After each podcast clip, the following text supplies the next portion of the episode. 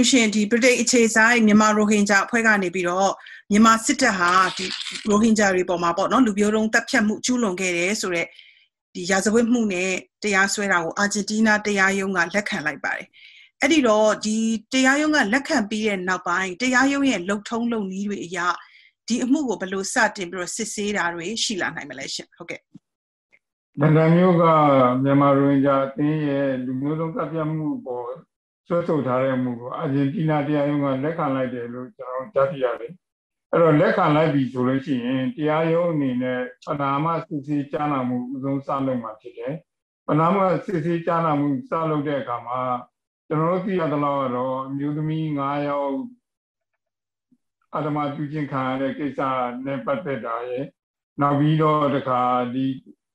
ကလေးတငယ်တွေကိုမိရှို့တဲ့ကိစ္စရတွေနဲ့ပတ်သက်လို့ဖော်ပြချက်တွေရယ်အဲ့ဒါတွေနဲ့ပတ်သက်ပြီးတော့လူမျိုးလုံးတပ်ပြမှုတွေဟုတ်မဟုတ်ဆိုတာကိုပနာမစစ်စစ်ကြားနာမှုလုပ်မယ်လို့ကျွန်တော်သိရပါတယ်ခင်ဗျ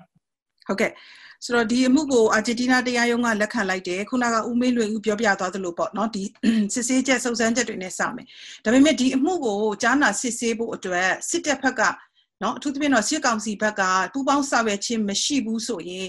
ဒီအမှုကိုဒီစစ်ဆေးတဲ့နေရာမှာဒီအမှုကိုကြားနာတဲ့နေရာမှာထိရောက်မှုရှိပါမလားရှင်ဘယ်လိုမြင်ပါလဲရှင်อืมမြန်မာနိုင်ငံစစ်ကောင်စီဆိုတာတော့ဒီလူစစ်သေးမင်းများတဲ့ဥစ္စာကိုအတိမမပြုတဲ့အတွက်လာရောက်ပြီးတော့ရင်ဆိုင်မယ်လို့တော့ကျွန်တော်တို့မဖြစ်ပါဘူးအဲ့တော့အဲ့ဒီလိုမျိုးဖြစ်လာမယ်ဆိုလို့ရှိရင်တရားရုံးအနေနဲ့တစ်ဖက်သက်စစ်ဆေးကြားနာမှုတွေကိုဆက်လက်လုပ်သွားမယ်ဆက်လက်စုံစမ်းစစ်ဆေးမှုတွေကိုဆက်လက်ပြီးတော့ဆောင်ရွက်သွားမယ်လို့ကျွန်တော်တို့နားလည်ပါတယ် ဟုတ်ကဲ့စစ်ကောင်စီဘက်ကလည်းပြောနေတယ်ဒါဟာသူတို့ကိုနိုင်ငံရေးရဖိအားပေးတာဖြစ်တယ်အခုလိုတရားစွဲတာကိုလည်းသူတို့အတိအမှန်မပြုဘူးလို့ပြောတယ်နောက်အခုလည်းဦးမူးမင်းလွင်ဦးကတုံးသက်သွားတယ်ဒါစစ်ကောင်စီဘက်ကပူပေါင်းဆောင်ရွက်နိုင်ခြင်းမရှိဘူးဆိုတဲ့အခါကျတော့ဒီလိုမျိုးတစ်ဖက်ကနေတရားစွဲဆိုခံရတဲ့လူဘက်ကအခုလိုမျိုးဒီတရားရုံးရဲ့လှုပ်ထုံးလုံနည်းတွေမှာမပါဝင်လာဘူးဆိုရင် ဟလာဘယ်လိုမျိုးပြစ်ဒဏ်တွေထပ်ပြီးတော့ရှိလာနိုင်မလဲဥပမာဒီ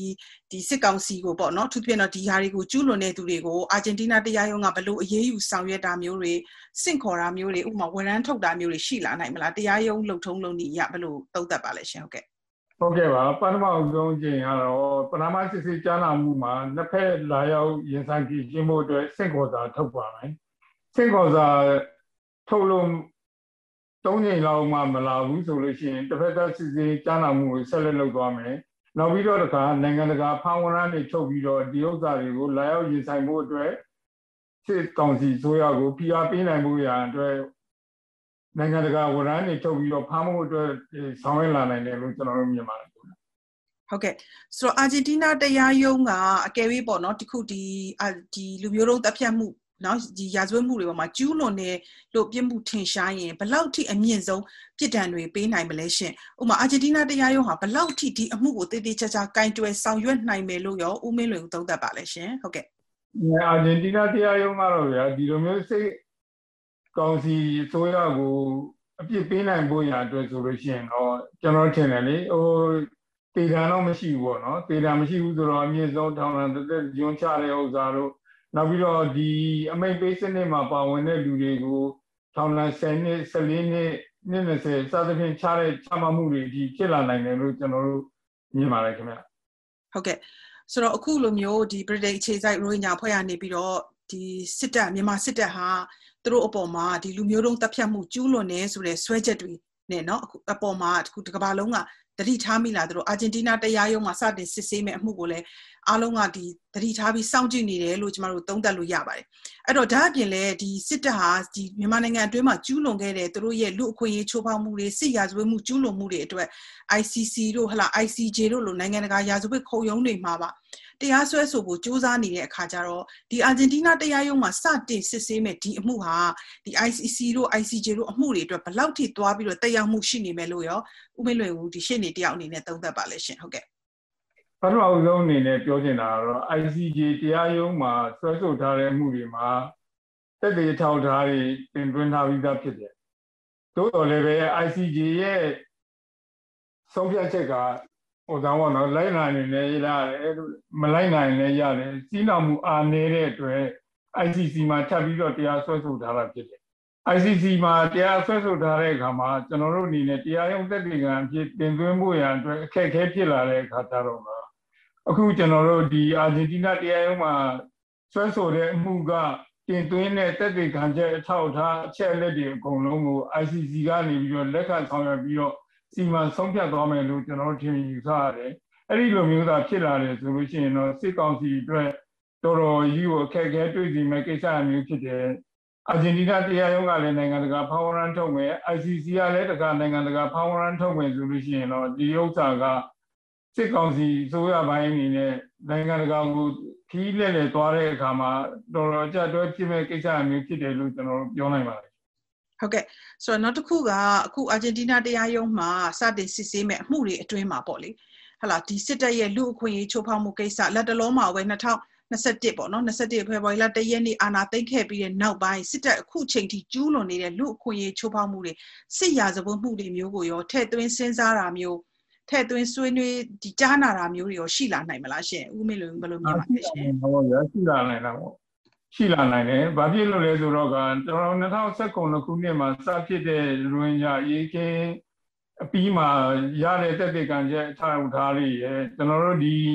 2021ဆီယနာသိမ်းပြီးတဲ့နောက်ပိုင်းကျူးလွန်တဲ့လူ့အခွင့်အရေးချိုးဖောက်မှုမှတ်တမ်းတွေရယ်ဒါတွေအားလုံးကိုတက်တဲ့ကံအဖြစ်တင်သွင်းနိုင်ဖို့အတွက်ပူပေါင်းဆောင်ရွက်နေတယ်လို့လည်းကျွန်တော်တို့သိရတယ်။အဲ့ဒီလိုမျိုးသာဖြစ်လာတယ်ဆိုလို့ရှိရင်တော့စစ်ကောင်စီဆိုရအတွက် တော်တော်ကြီးကိုအကြအကျပြည့်စုံမဲ့ကိစ္စမျိုးဖြစ်တယ်လို့မြင်တယ်။အဲ့တော့နိုင်ငံတကာကနေပြီးတော့ကျွန်တော်တို့ကုလသမဂ္ဂ IIMM ကနေပြီးတော့စုဆောင်းထားတဲ့သတင်းချက်လက်တွေလည်းရှိတယ်။အခုတခါအာဂျင်တီးနားတရားရုံးကနေပြီးတော့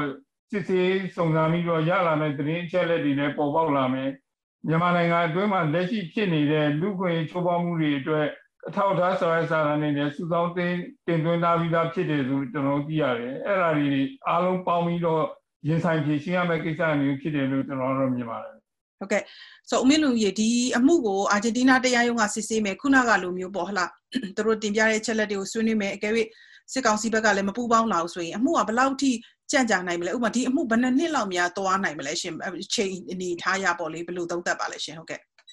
ပဏာမစစ်စစ်ကြားနာမှုပြီးလို့ရှိရင်တစ်ဖက်ကပူပေါင်းဆောင်ရွက်မှုမရှိဘူးဆိုလာရင်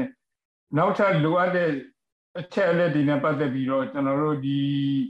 ဘင်္ဂလားဒေ့ရှ်မှာဖွင့်လာတဲ့ဒုက္ခသည်စခန်းတွေမှာချက်လက်သတင်းချက်လက်တွေအားလုံးတွားပြီးတော့စုဆောင်းရယူမယ်